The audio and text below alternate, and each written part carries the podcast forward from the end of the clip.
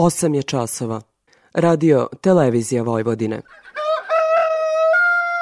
Dobro jutro moj Bekrio, Avde si mi poranio.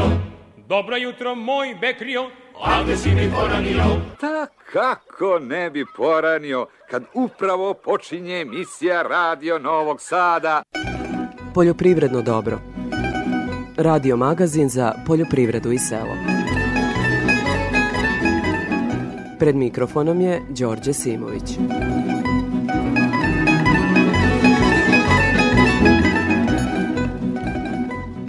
Poštovani slušalci, dobro jutro. Kiša koja uporno pada poslednjih dana za jare useve je došla prekasno, ali odlaže skidanje ispod prosečnog roda sa njiva, soje, kukuruza pa i suncokreta.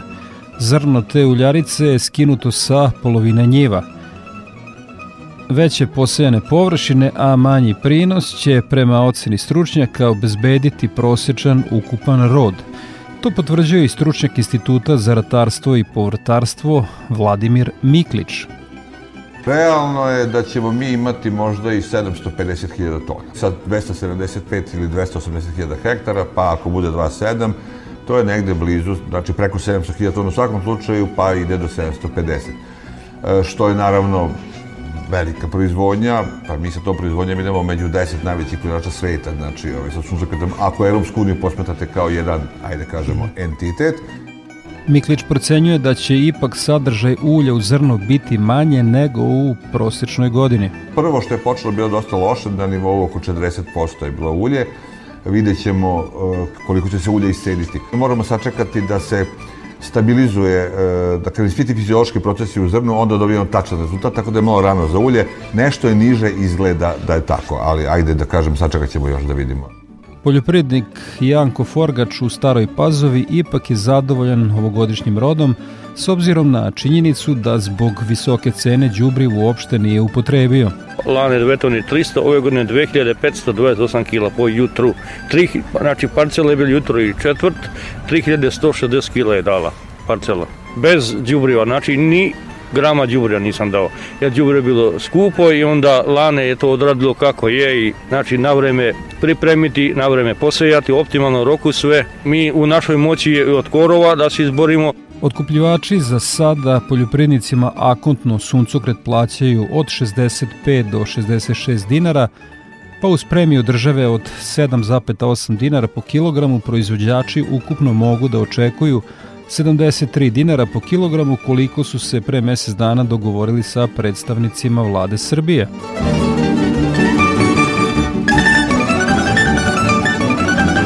U temi emisije govorimo o dinamici berbe jabuka i stanju na ino tržištu. Asocijacija Serbia Does Apples okuplja 15 kompanija sa najsavremenijom proizvodnjom jabuke kod nas.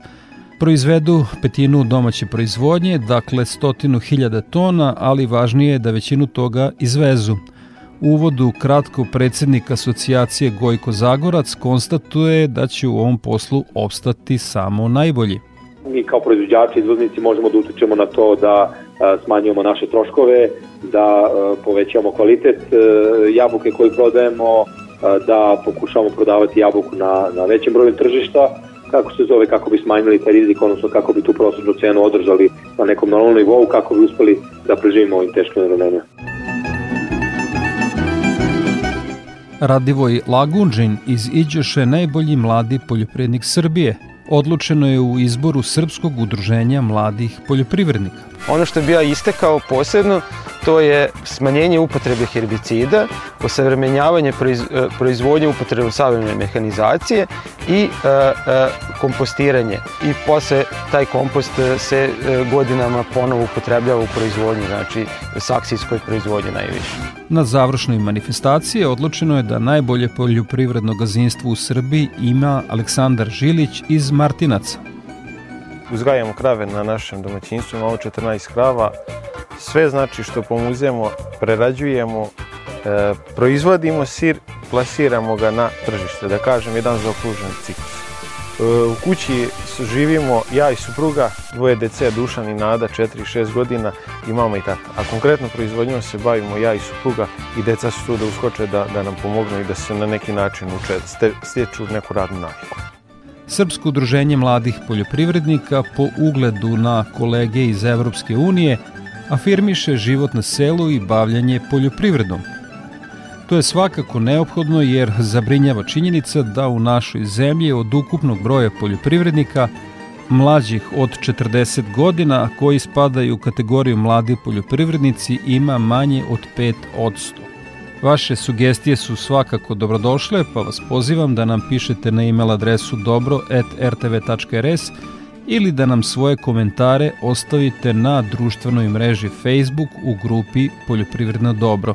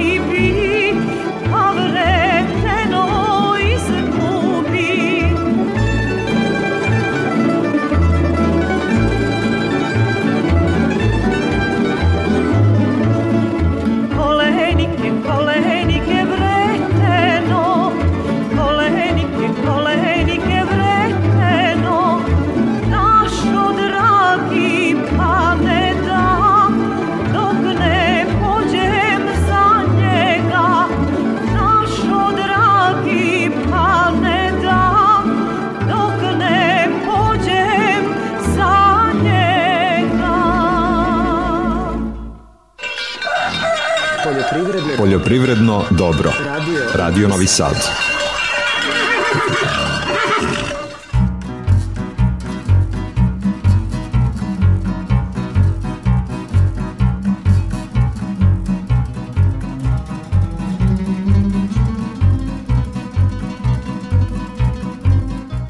U nastavku poljoprivrednog dobra sledi detaljnija agroprognoza Ljiljane Đingalašević iz Hidrometeorološkog zavoda Srbije – Proteklu sedmicu je u većem delu obeležilo suvo i relativno toplo vreme. Temperature vazduha bile su u okviru prosečnih za ovaj deo septembra.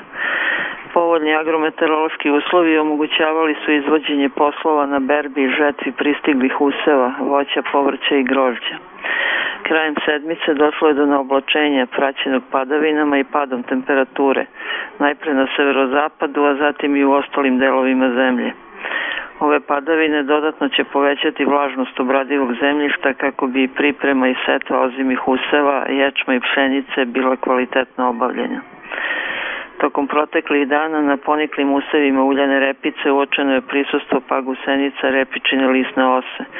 U toku je polaganje jaja i piljenje pagusenica ove štetočine koje za kratko vreme mogu da pričine značajne štete na mladim biljkama uljane repice i dovedu do golobrsta. Prilikom pregleda usave uljene repice uočene su i položena jaja kukuruzne sovice. Prema prognozi tokom sledeće sedmice zadržat će se hladno vreme za ovo doba godine uz maksimalne dnevne temperature od 16 do 21 stepen i čestu pojavu kiše ponegde i pljuskova i to uglavnom u brdsko-planinskim predelima. Za Radio Novi Sad iz Republičkog hidrometeorološkog zavoda Ljiljana Đingalašević. O aktuelnoj zaštiti bilja će nas obavestiti Milena Marčić iz prognozno izveštajne službe. U zaštiti bilja je preostalo još da obratimo pažnju na postarne useve povrća, a započela i zaštita ozimih useva, tačnije uljane repice, čija se setva bliži kraju. Od povrća našim slušaocima skrećemo pažnju na zaštitu kupusa koji je namenjen za jesenju proizvodnju. U tim usevima koji se trenutno nalaze u različitim fazama razvoja glavice, pregledima je uočeno prisustvo različitih štetočina od kojih dominiraju gusenice kupusovog moljce i svi razvojni stadijumi bele kupusne mušice, te preporuka primjena nekog od registrovanih insekticida, ali uz obavezno poštovanje karence. Usevi mrkve koji su namenjeni za skladištenje se u zavisnosti od roka setve nalaze u fazi od razvoja listova do faze gde je koren dostigao oko 70% od krajnje veličine. Na biljkama su tokom redovnih pregleda uočeni simptomi pepelnice i crne pegavosti. Iako se kod nas na, na najvećem broju parcela prešlo na navodnjavanje useva mrkve sistemom kap po kap, zbog čega su i uslovi za razvoj bolesti značajno redukovani, kišovito vreme stvara povoljne uslove za dalji razvoj i širenje bolesti, pa se usevima gde se uoče simptomi pomenutih oboljenja preporučuje i primjena fungicida koji u sebi imaju i sistemičnu i preventivnu komponentu. Usevi uljane repice koji su posejani u prethodnom periodu se nalaze u fazi od nicanja do razvijena četiri lista. Repičina lisna osa je vrlo aktivna, Na mladim biljkama je uočeno prisustvo jaja ispiljenih pagusenica, kao i početni simptomi šteta usled ishrane pagusenica i upravo je period koji je pred nama kritičan u zaštiti uljane repice od repičine lisne ose, jer dok su biljke male, može doći do golobrsta i potpunog njihovog uništenja. Pagusenice repičine lisne ose su izuzetno proždrljive štetočine i za svega 24 sata mogu da pojedu lisnu masu koja je duplo E, veće od njihove težine. Pored ove štetočine, uočeno i prisustvo jaja i gusenica kukuruzne sovice koja je veliki polifag i sade u potrazi za mladim i sočnim tkivom, kao i prisustvo lisnih vaši. Lisne vaši sada u ovom momentu neće naneti neke velike direktne štete usevima svojom ishranom, ali mogu biti značajne kao prenosioci biljnih virusa. Nekoliko sezona unazad na našem proizvodnom području je potvrđeno prisustvo, prisustvo virusa postrne žutice repe. Naši proizvođači često mešaju simptome zaraze ovim virusom sa neadekvatnom ishranom biljaka i podsjećamo da su simptomi zaraze ovim virusom crvenilo ivice lista i crvenilo ili žutilo, žutilo delova lista između nerava. Pored ovih štetočina, uočeno je prisustvo nekoliko vrsta buvača koji u ovim sada fazama razvoja uljane repice nanose štete tako što izgrizaju rupice na listovima. Preporučujemo obavezne preglede useva uljane repice i primjenu registrovanih insekticida iz grupe piretroida koji će delovati na sve ove pomenute štetočine, ali naravno ukoliko su postignuti pragovi štetnosti, Za repičinu listnu osu to je jedna pa gusenica po biljci ili 50 pa gusenica po metru kvadratnom. Za lisne vaši to je 20 procenata biljaka sa lisnim vaševima, sa lisnim vašima koje treba tražiti na naličju lista i buvači ukoliko je 5 do 10 procenata listne površe pojedeno od odraslih jedinki buvača. Za detaljnije informacije naši slušalci mogu posetiti portal prognosne izveštene službe za zaštitu bilja, odakle se javlja Milena Marčić.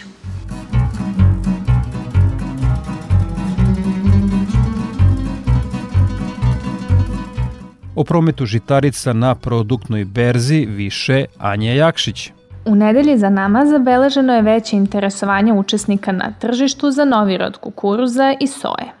Cenovno pšenica beleži rast dok je cena kukuruza rod 2021. godine u padu. Ukupno je prometovano 4790 tona robe, finansijske vrednosti 208 miliona 474 350 dinara. Na tržištu kukuruza najviše upita bilo je za novi rod ove žitarice. Uglavnom se nudi u kukuruz sa povišenim procentom vlage. Stari rod kukuruza trgovao se u cenovnom rasponu od 33 dinara 50 para do 34 dinara po kilogramu bez PDV-a, ali primetno je manje interesovanje za ovom robom, što je dovelo do negativnog cenovnog trenda. Ponder cena za ovu nedelju iznosi 33 dinara 77 para po kilogramu bez PDV-a, što je pad od 1,38%. Slabija ponuda i dalje je prisutna na tržištu pšenice. U odnosu na prethodni period kada je u fokusu interesovanja kupaca bila pšenica sa 11,5 do 12% proteina, ove nedelje je zabeleženo i veće interesovanje za pšenicom sa višim procentom proteina. U zavisnosti od parametara kvaliteta, pšenicom se trgovalo u cenovnom rasponu od 36 dinara 20 para do 37 dinara 80 para po kilogramu bez PDV-a. Upoređujući sa prethodnom nedeljom, cena pšenice beleži rast od 2,20%. Ponder cena iznosi 36 dinara 79 para po kilogramu bez PDV-a. Trgovanje starim rodom soje izostaje ove nedelje. Ponude na višem cenovnom nivou u odnosu na tražnju nisu rezultirale zaključenjem berzanskog ugovora. S druge strane, od početka nedelje primetno je veće interesovanje za rodom 2022. godine. Sojinim zrnom novog roda trgovalo se na istom cenovnom nivou kao i prethodne nedelje. Ugovori su zaključeni po jedinstvenoj ceni od 80 dinara 50 para po kilogramu bez PDV-a uz obračun kvaliteta, što je ujedno i ponder cena. Suncokretom rod 2022. godine trgovalo se po ceni od 67 dinara 11 para po kilogramu bez PDV-a na paritetu franko isporučeno kupcu. Ruska urea pakovanje 25 kroz 1 prometovana je po ceni od 90 dinara 8 para po kilogramu bez PDV-a, odnosno 108 dinara 10 para po kilogramu sa PDV-om. Sa produktne berze Anja Jakšić. Nakon izveštaja sa produktne berze, Gordana Jeličić iz Infotim Logistike obavestit će nas o trendovima na tržištu stoke. Sve cene su bez uračunatog poreza na dodatu vrednost. U toku ove nedelje naši saradnici su tovne svinje sa farme oglašavali po ceni od 250 do 270 dinara po kilogramu, tovljenike sa mini farme po ceni od 245 do 260 dinara po kilogramu, a tovljenike iz otkupa po ceni od 231 do 250 dinara po kilogramu. Koliko imamo povratnu informaciju sa terena, Dogovori oko utovara za farmsku robu za iduću nedelju završavaju se na 250 dinara po kilogramu. Ponuda jagnjadi oglašena je po ceni od 300 do 320 dinara po kilogramu, a ovce za klanje su nuđene po ceni od 145 do 150 dinara po kilogramu. Slabije interesovanje oko ove kategorije stoke, pa su i ponuđači prinuđeni da obaraju cenu u oglasima. U toku nedelje prasaca farme su se oglašavala po ceni od 330 do 350 dinara po kilogramu, prasaca mini farme po ceni od 310 do 360 dinara po kilogramu, a prasad iz otkupa po ceni od 280 do 300 dinara po kilogramu. Na terenu se sporadično trguju prasadima za dalji tov, uz pregovor na niže cene u odnosu na oglašene. Ponude bikova Holštajn oglašena je po ceni od 300 do 330 dinara po kilogramu, a bikova simentalaca po ceni od 345 do 350 dinara po kilogramu. Po rečima naših saradnika, interesovanje za bikovima postoji kako na domaćem tržištu, tako i na tržištu iz okruženja. Cene su izražene bez PDV-a. Za Radio Novi Sad, Gordana Jeličić iz Infotim Logistike. U staropazovačkom atoru počela je berba kukuruza, ali je vlaga zrna još velika. O tome Zdenka Kožik. Prva zrna kukuruza pristižu na silose, a staropazvački poljoprivrednici za ovaj posao koji je tek počeo žure da iskoriste suve i sunčane dane. Zdenko Jašo kombajnira FAO grupe zrenja od 300 do 400 gde vlaga iznosi oko 15%, ali prinosi su slabi od 3 do 4,5 tone po jutru. Ispoštovao je sve agrotehničke mere kao i ostale njegove kolege od obrade zemljišta, setve u optimalnom roku do prihrane, ali vremenski uslovi su ostavili ili posledice. Rot skladišti na otkupnom mestu, iako cena još nije poznata. Ja i ovi moji drugari što se bavimo poljoprivredom smo uradili sve što je u našoj moći. No ne možeš, kako da kažem, mi smo radili što je na nama, Međutim, biljke su bile žedne, znate i sami kako bilo leto, suša bila, udarilo. E sad imamo i u Pazovi tako, opet se deli ta Pazova na dva, tri fronta gde je negde i pala neka kišica, bije se da je bila mala, ali je možda u, tu, u tom trenutku bila toj biljci najneophodnija i urodilo je plodom. Znači tamo ima malo više kuruza, tipa do 4,5 tone po jutru, a tu gde, nije, tu gde je bila suša, oko 3. Beremo i u klipu, trenutno se rade neke usluge, normalno ljudi da li, da li će ovamo da izvezu na 3-4 mesta ima u Pazovi gde se, iz, gde se izvozi kukuruz, U klipu će se brati kasnije, a Mihal Fitoš se prisjeća da se kukuruz preskidao tek polovinom oktobra. On već drugi dan zaredom proverava vlagu zrna koje na prvi pogled izgleda zdravo i nada se dobrom rodu. Velika vlaga još, vidit ćemo, sad smo doneli isto, to je e, FAO zrenja, ja mislim da je 380, pa ćemo vidjeti, juče smo isto gledali 380, 15,2, nije moglo da se odradi. Ne, neće da, možda primi, ali neće da primi. Kaže da nikako od 16 više se ne donosi, neće da primi, zbog verovatno zbog sušenja. E, sad ćemo vidjeti šta kaže, e, imamo ovde parcela, ali neće, neće moći. To je, zele, zelene su stabljike i ne, ne teško će biti. Ovo ćemo kluniti, a bratimo i u klipu jer ovo vreme ne znamo šta će biti sutra. Vraćamo sigurno i klipu, imamo takvu zemlju, mislim, kuruz imamo za klip i tako da, za berač. Kukuruz je ove godine dominantan na teritoriji Staropazovačke opštine i posejan je na 15.500 hektara. Uporedo sa berbom kukuruza završava se berba suncokreta i soje. U tom somboru svašta na volju Svašta ima, to istina, čak i žene piju vina u tom somboru. Svašta ima, to istina, čak i žene piju vina u tom somboru.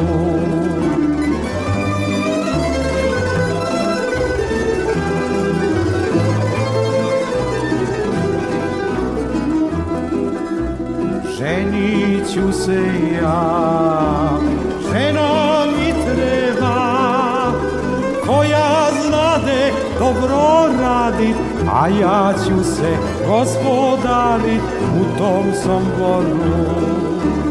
Koja znade dobro radit, a ja ću se gospodarit u tom somboru.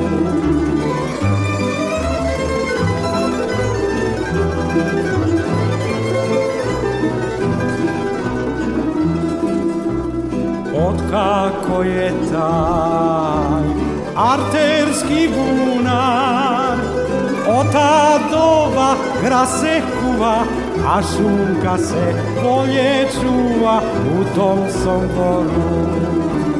Od ta doba gra se kuva, a šunka se bolje čuva u tom somboru.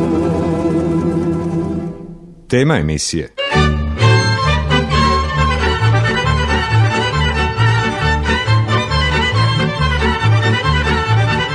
Berba jabuka je u toku. Pod ovom voćnom vrstom u Srbiji je 15.000 hektara, a godišnje proizvedemo oko pola miliona tona plodova. Najveći proizvođač jabuka je Delta Agrar, njihovi voćnjaci se u Čelarevu i Zaječaru prostiru na 850 hektara. Intenzivno voćnjake podižu od 2007. godine. U Čelarevu pod jabukama imaju 400 hektara, a u Zaječaru na 450 hektara uz jabuku zastupljeni su zasadi trešnje, šljive i breskve. Sve ove činjenice govore u prilog konstataciji da je Delta Agrar pionir savremene proizvodnje jabuka kod nas i to je jedan od razloga da prvi sagovornik u temi emisije bude direktor voćarske proizvodnje u toj kompaniji Nikola Milićević. Muzika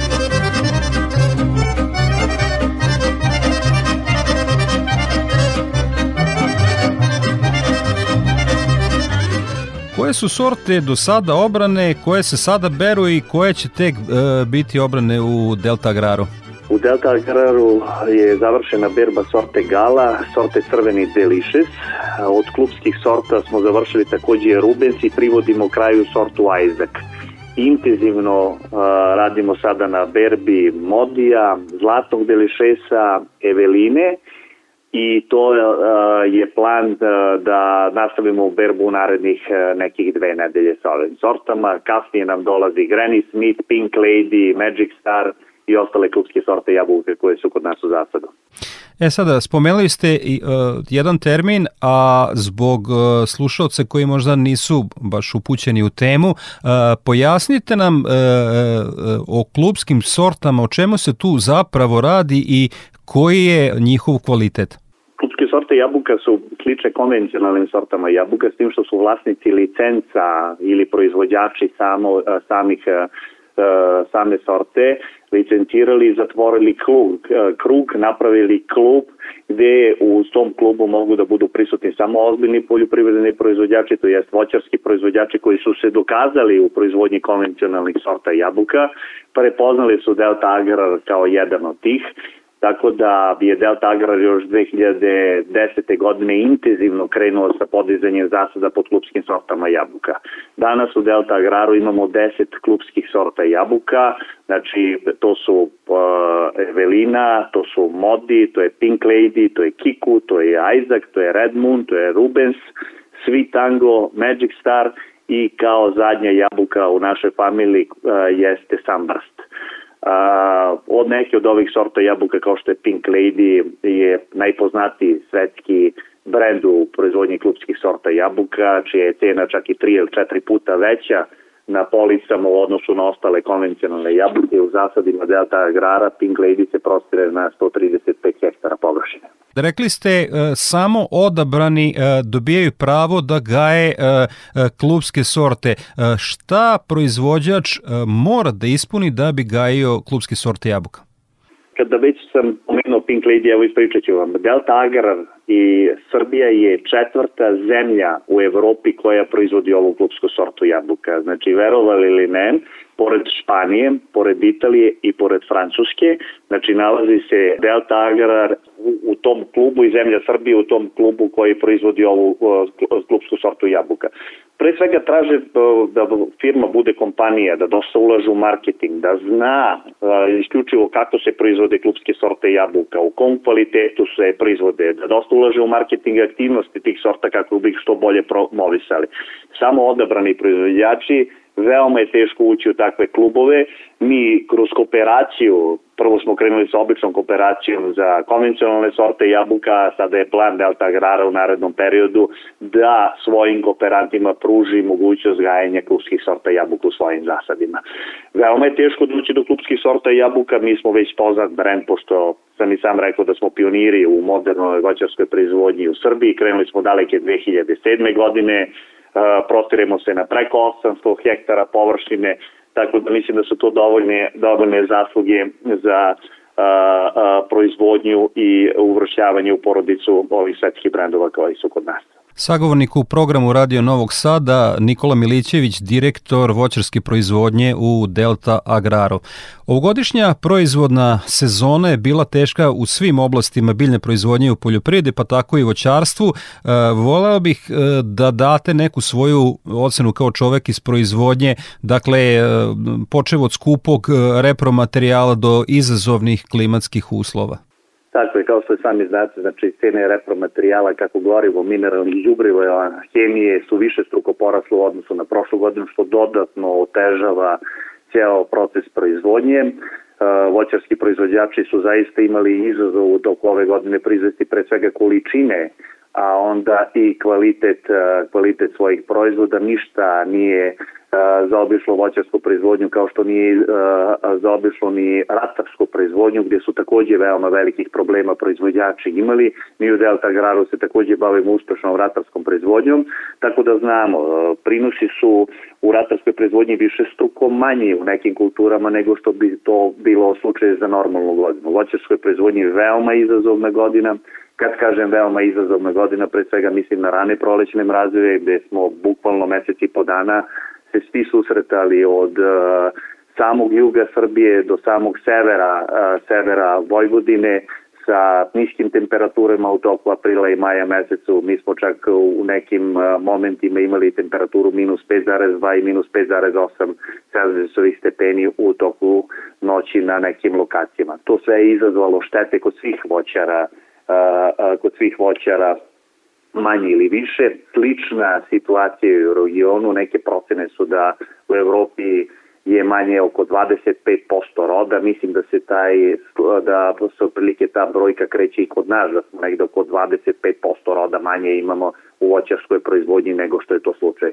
Da stvar još bude gora, bili smo svedoci ogromnih klimatskih promena, već drugo leto za redom imamo temperature preko 40 Celzijusovih stepeni, prošle godine je to bilo mesec i po dana, ove godine je to dva i nešto meseca, sve je to i tekako uticalo na kvalitet. Verujte, nije dovoljno da uh, uh, imate, instal, uh, imate instalirano navodnjavanje, jednostavno evo transpiracija je toliko velika, sama biljka se trudi da se zaštiti, odbacuje plod, uh, veoma malo količine vode i mineralnih materija ubacuje na plod, tako da su dosta velika, veoma velika količina plodova i ostala sitnija odnosu što je to slučaj na normalne godine.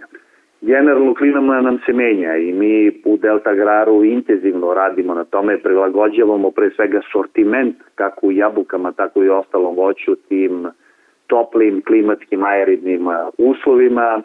Dosta toga smo uradili, dosta toga još imamo u planu kako bi se zaštitili i što lakše prebrodili sve te klimatske promene koje su zadnjih nekoliko godina kod nas u zemlji. Napomenuo bi i ovaj podatak kad sam pomenuo rane prolećne mrazeve da intenzivno od 2016. godine, znači svake godine u kontinuitetu imamo problema svi voćarski proizvođači sa mrazom, da znate.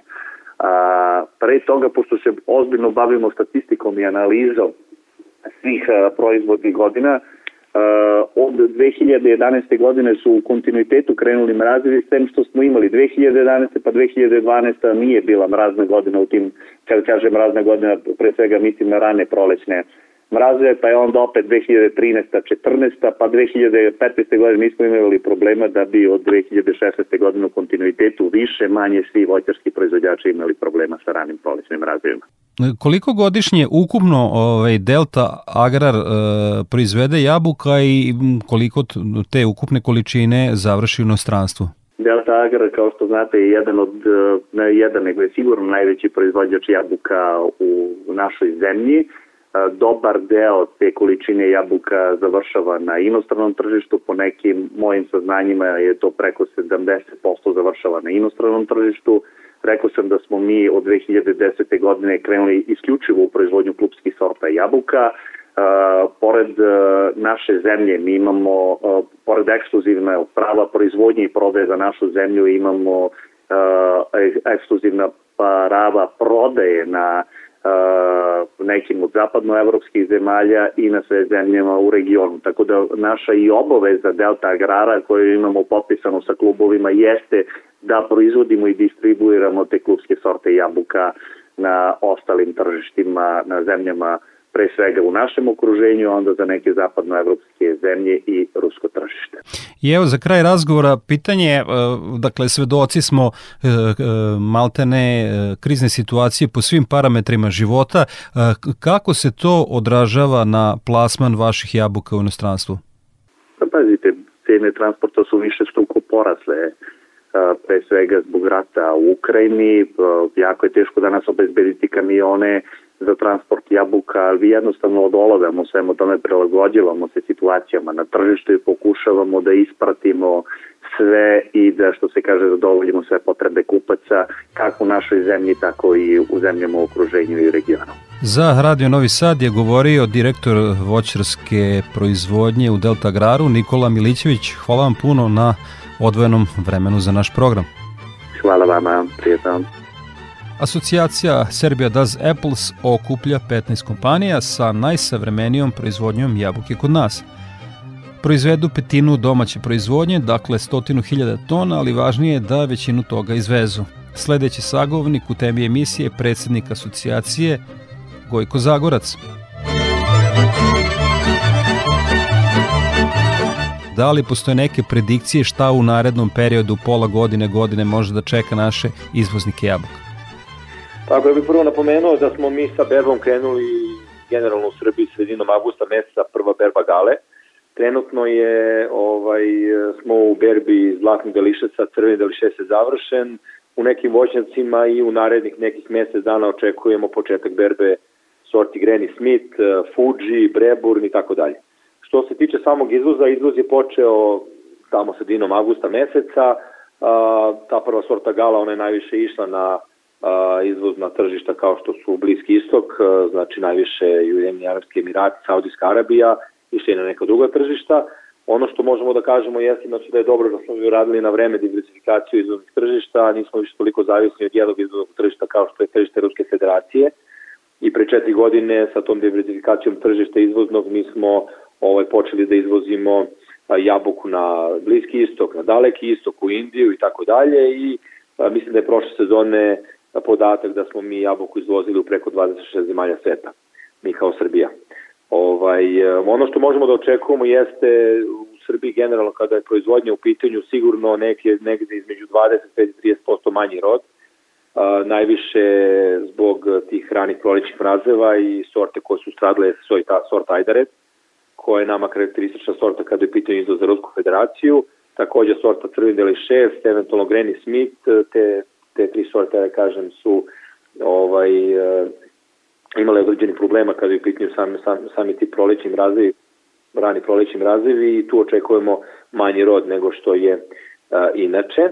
A, kada je u pitanju sam izvoz u narednih uh, nekoliko meseci, uh, definitivno ćemo nastaviti sa izvozom na ova tržišta, na, da kažem, nova, nova tržišta izvozna. A, Rusija vidim da je polako počeo izvoz. S Rusijom je krajem prošle sezone bio problem vezano za a, transport i za logistiku, jer su cene transporta bile a, mnogo više u odnosu na ono što je bilo ranije. Takođe bilo je problema i oko a, naplate određenih potraživanja sa tamo tamošnjih tržišta, međutim to se po meni ovaj, taj, taj problem se rešio, međutim transport i dalje ostao na nekom visokom nivou, ne kao što je bio u junu i julu mesecu, ali i dalje na nekom visokom nivou i vidjet ćemo ovaj, da li ćemo mi sa tom cenom transporta moći, biti sa našom cenom ovaj, konkurentni na tom tamo tržištu. E, naravno, tu je ruska jabuka, kako se zove, koja e, će sigurno ovaj, imati svoju poziciju na tom tamo tržištu, tako da ja očekujem da će neki uh, ajde da kažem, količinski veći izvoz na rusko tržište početi negdje u novembru i decembru mesecu ove godine. Uh, do tada ćemo mi raditi ova tržišta Bliskog istoka, Indije, uh, u nekom manje količini, ali Indija će isto otvara u novembru i decembru mesecu, ali definitivno Bliski istok, uh, Velika Britanija, uh, kako su određene zemlje dalekog istoka će biti sigurno da mi na neki, neka, naredna 2-3 meseca kada je u pitanju izvoz obojenih sorti. E, kada reč o državama poput Italije, Francuske, Nemačke, koliko se tu teško probija naša jabuka? Pa kada su u pitanju zemlje Evropske unije, generalno vi ste pomenuli tri zemlje koje su ozbiljni proizvođači jabuke u Evropi, ali kada je generalno u pitanju izvoz srpske jabuke u Evropsku uniju, veoma je teško ovaj, to napraviti i realizovati, prvenstveno zbog toga što je Evropska unija po tom pitanju u principu malo i zatvorena ovaj, i oni uvek gledaju originalno odakle dolazi jabuka. Uh, ove tri zemlje koje ste nabavili takođe, one su uh, zbog određenih tehničkih stvari, moje neko mišljenje najviše zbog toga što su skočile cene struje koje je vezano naravno za hladnje čučuvanje jabuka i imaju, imaju određene, određene sorte u nekom većem, veće količini nego inače su počeli odmah da prodaju, na primjer, gala jabuku i oni su spustili cene na, na, na tom početku perioda prodaje, ovaj, sigurno za nekih 10 do 15% i to je nama takođe uticalo na to da nam te početne cene na te ovim izvoznim tržištima Bliskog istoka, na primer, budu niže u odnosu na ono što smo imali prošle ili pretpošle, pretpošle sezone. I evo za kraj razgovora pitanje na nedavno održnoj konferenciji Prognos Fruit uh, u Beogradu, najvećem svetskom događaju kada su u pitanju jabuke i kruške, uh, iznet je podatak da recimo Poljska proizvede 4,5 miliona tona jabuke, a da će ove godine 70% tih uh, jabuka ići u preradu. Da li je to signal za lošu situaciju u proizvodnji jabuka? Pa kad je u pitanju Poljska, ona je specifična po svemu jeste, ona je najveća po količini, ona je država koja najviše proizvede jabuka u Evropi. Uh, uvek je to negde u razini između 4 i 5, 5,5 miliona tona, međutim njima je uvek visok procenat, uh, visok procenat od ruske jabuke svake godine. Ove godine je to 70% iz razloga što su tamošnji proizvođači svesno ovaj, svesno su uh, hteli da smanje troškove proizvodnje, pa su sigurno jedan deo voćnjaka puštali bez zaštite, bez đubriva i tako dalje i taj deo voćnjaka je njima već predodređen za industrijsku za industrijsku jabuku. A, s jedne strane i s druge strane njima je država prošle sezone, a mislim da će ove sezone da radi subvencionisanje prodaje industrijske jabuke. Prošle sezone mislim da je bilo 6 ili 8 centi po kilogramu, ove ove sezone ne znam koliko će oni izaći sa tim i onda su oni sigurno u nekoj svojoj matematici matematici došli do zaključka da bi veći procenat e, jabuke išao u industrijsku proizvodnju. A, tako da, to što se toga tiče. A, s druge strane, Poljska ima a, i zastarali sortiment, zastarale voćake i tako dalje, tako da ona nije reper po tome, ako sad u Poljskoj imamo 70% jabuke koje će ići u industriju, da, kako će to uticati na generalnu industriju jabuke. Uh, mislim da trebamo gledati zemlje poput Italije, Francuske, uh, kako se na njih se ugledati da vidimo šta se tamo dešava, pa da onda na osnovu toga možemo zaključiti uh, kuda, kuda će ići, u kom smeru će ići ova naša industrija kada je u pitanju ovaj, samo proizvodnje, odnosno prodaje jabuke. Hvala vam na ovim iskrenim odgovorima. Gost u programu Radio Novog Sada je bio Gojko Zagorac, predsednik e, asocijacije Srbija Das Apples koja okuplja najveće proizvođače jabuka u Srbiji. Hvala vama na pozivu i hvala svim vašim slušalcima. Iako je ton teme možda bio optimističan, moram da naglasim da su na pomenutoj konferenciji Prognos Fruit menadžeri iz Evrope upozorili da je potrošnja jabuka za godinu dana opala 10%, a da je pored inflacije cena manja za isto toliko. Sve više jabuka se prerađuje, dakle proizvođačima se plaća cena industrijske jabuke, a ne konzumne koja je i nekoliko puta veća. Investitori u voćarstvo, naročito u pomenutoj Poljskoj, redko se odlučuju da podignu nove zasade pod jabukom, već su prednost dali borovnici, malini, šljivi. Bilo kako bilo, na tržištu će opstati oni koji budu imali vrhunske plodove, traženih naročito klubski sorti po cenama prihvatljivim za kupce. Toliko u temi emisije. Kupi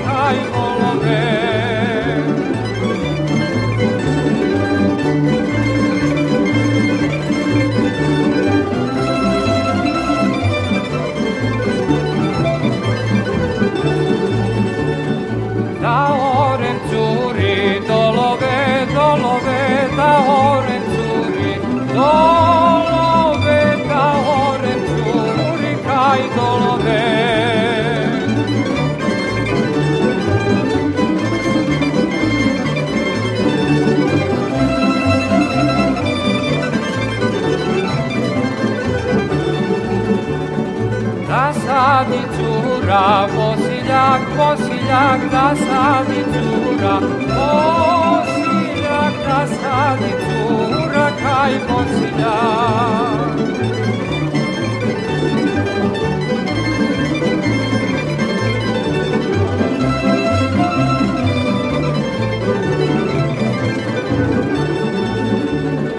Da njime kiti, prozore, prozore, da kiti, prozore, da njime kiti, kaj prozore. Dobro vino se rodi u vinogradu, a u vinariji može samo da se pokvari. Ako su savladani svi izazovi koje su donale klimatske promene, onda proizvođači mogu da očekuju dobru berbu. Boris Šuman je bio na jednoj takvoj.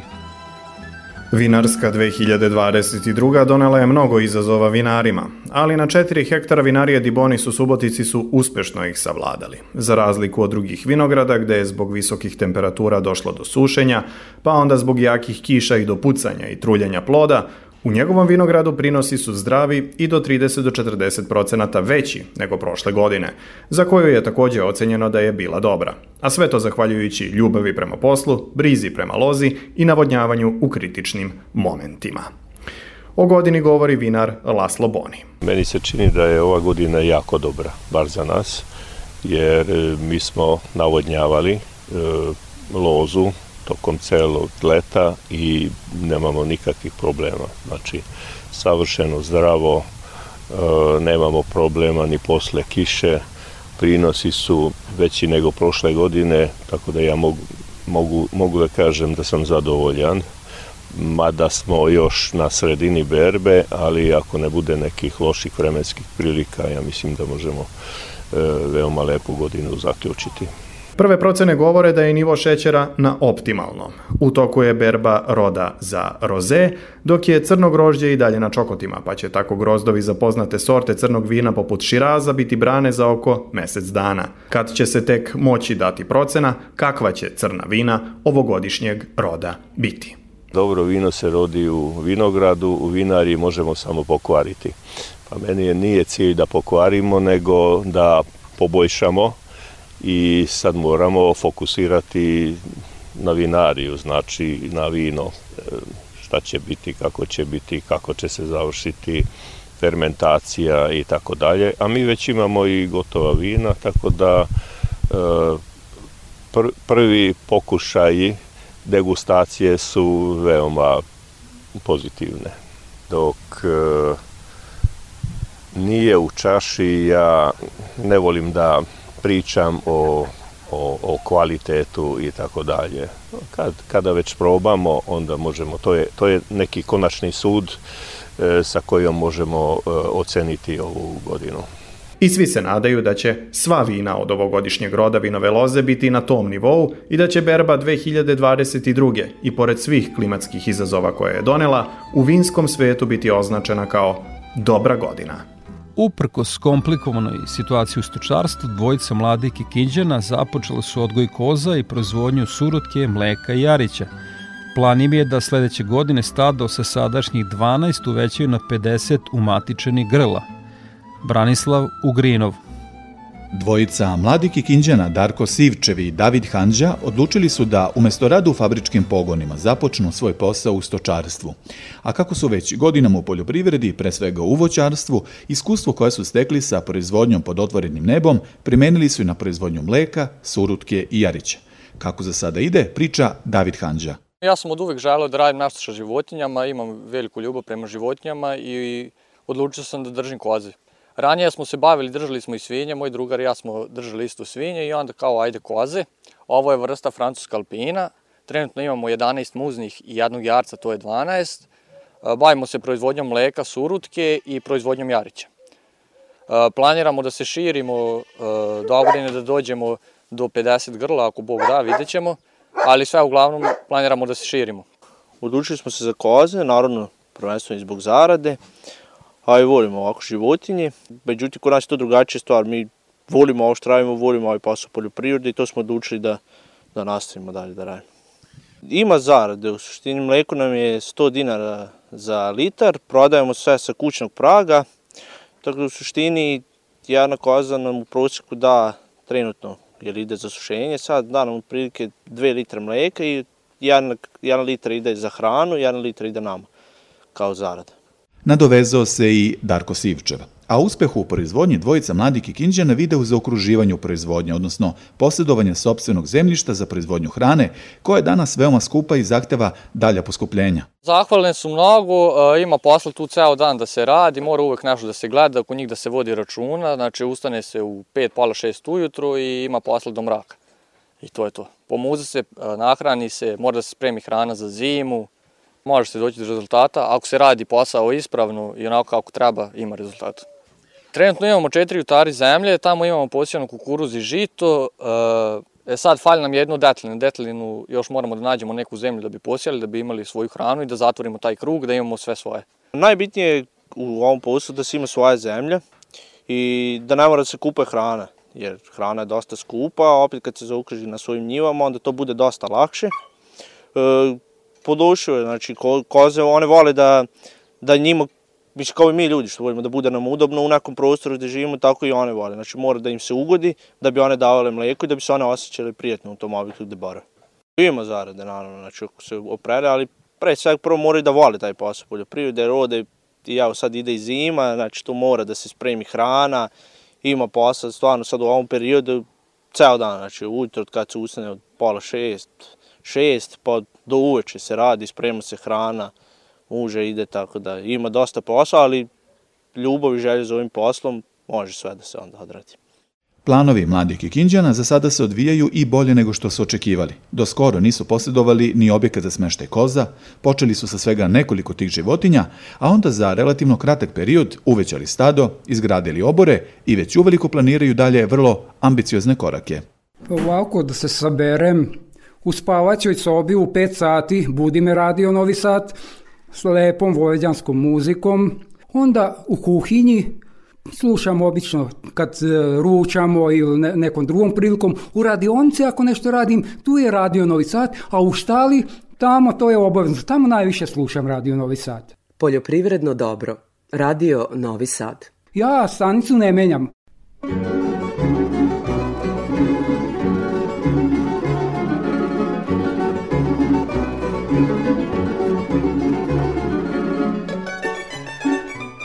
Gost u programu Radio Novog Sada je Čedomir Keco, predsjednik udruženja Agroprofit, a povod je humanitarna akcija koje ovo udruženje zajedno sa stočarima Srbije vodi. Naime, u požaru na gazdinstvu Ištvana Siča iz Debeljače u opštini Kovačica izgorelo je nedavno sedam goveda, objekti i traktor. Pa evo iz prve ruke prenesite mu ovo je štura informacija šta se zapravo desilo.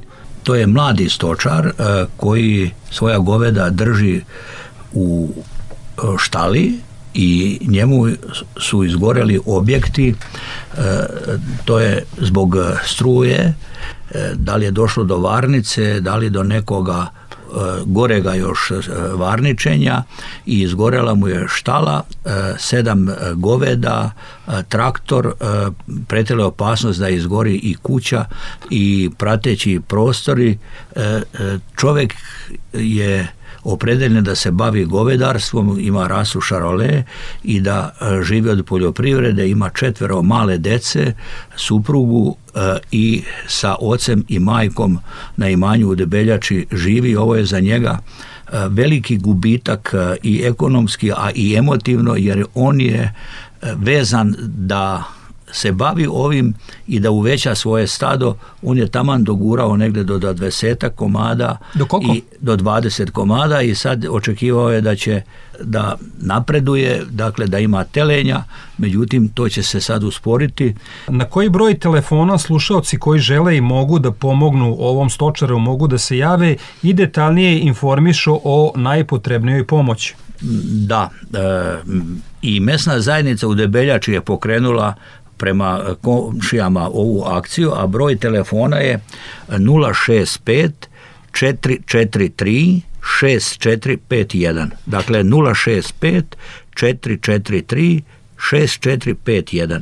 Naše udruženje ne posreduje ništa, nego molimo sve one ljude dobre volje da se jave na ovaj broj i da pomognu ovoj porodici. Kako akcija do sada traje i šta su planovi? Mi smo e, prvu fazu zamislili da širimo ideju o potrebi i to ide dosta uspešno, prati nas dosta medija i hvala i vama na e, ovom razumevanju.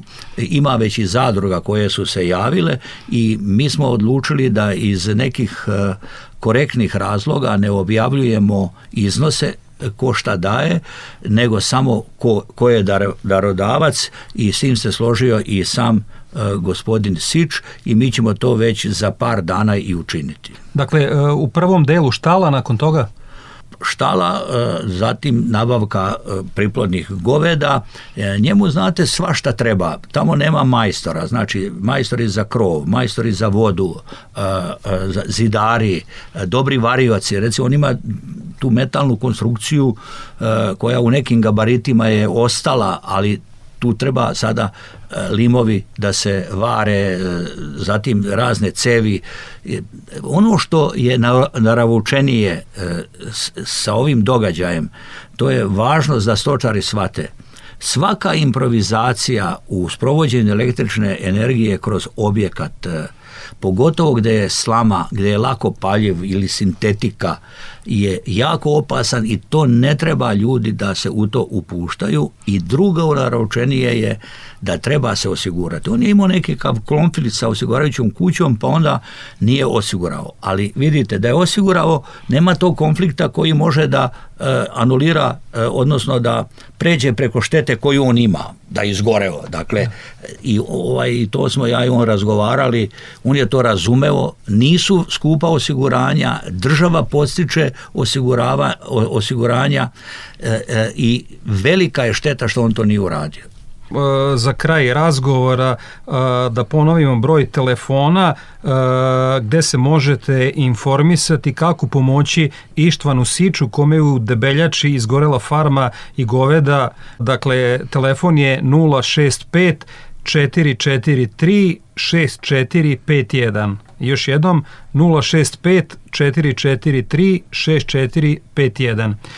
Gost u programu Radio Novog Sada bio je e, Čedomir Keco, predsjednik udruženja Agroprofit. Hvala nam puno na odvojenom vremenu za naš program. Hvala i vama za razumevanje. I za kraj emisije još jednom agroprognoza Ljiljane Đingalašević iz Hidrometeorološkog zavoda Srbije. Prema prognozi tokom sledeće sedmice zadržat će se hladno vreme za ovo doba godine uz maksimalne dnevne temperature od 16 do 21 stepen i čestu pojavu kiše ponegdje i pljuskova i to uglavnom u brdsko-planinskim predelima. Toliko poštovni slušalci o izdanju poljoprivrednog dobra radio magazina za poljoprivredu i selo javne medijske ustanove Vojvodine.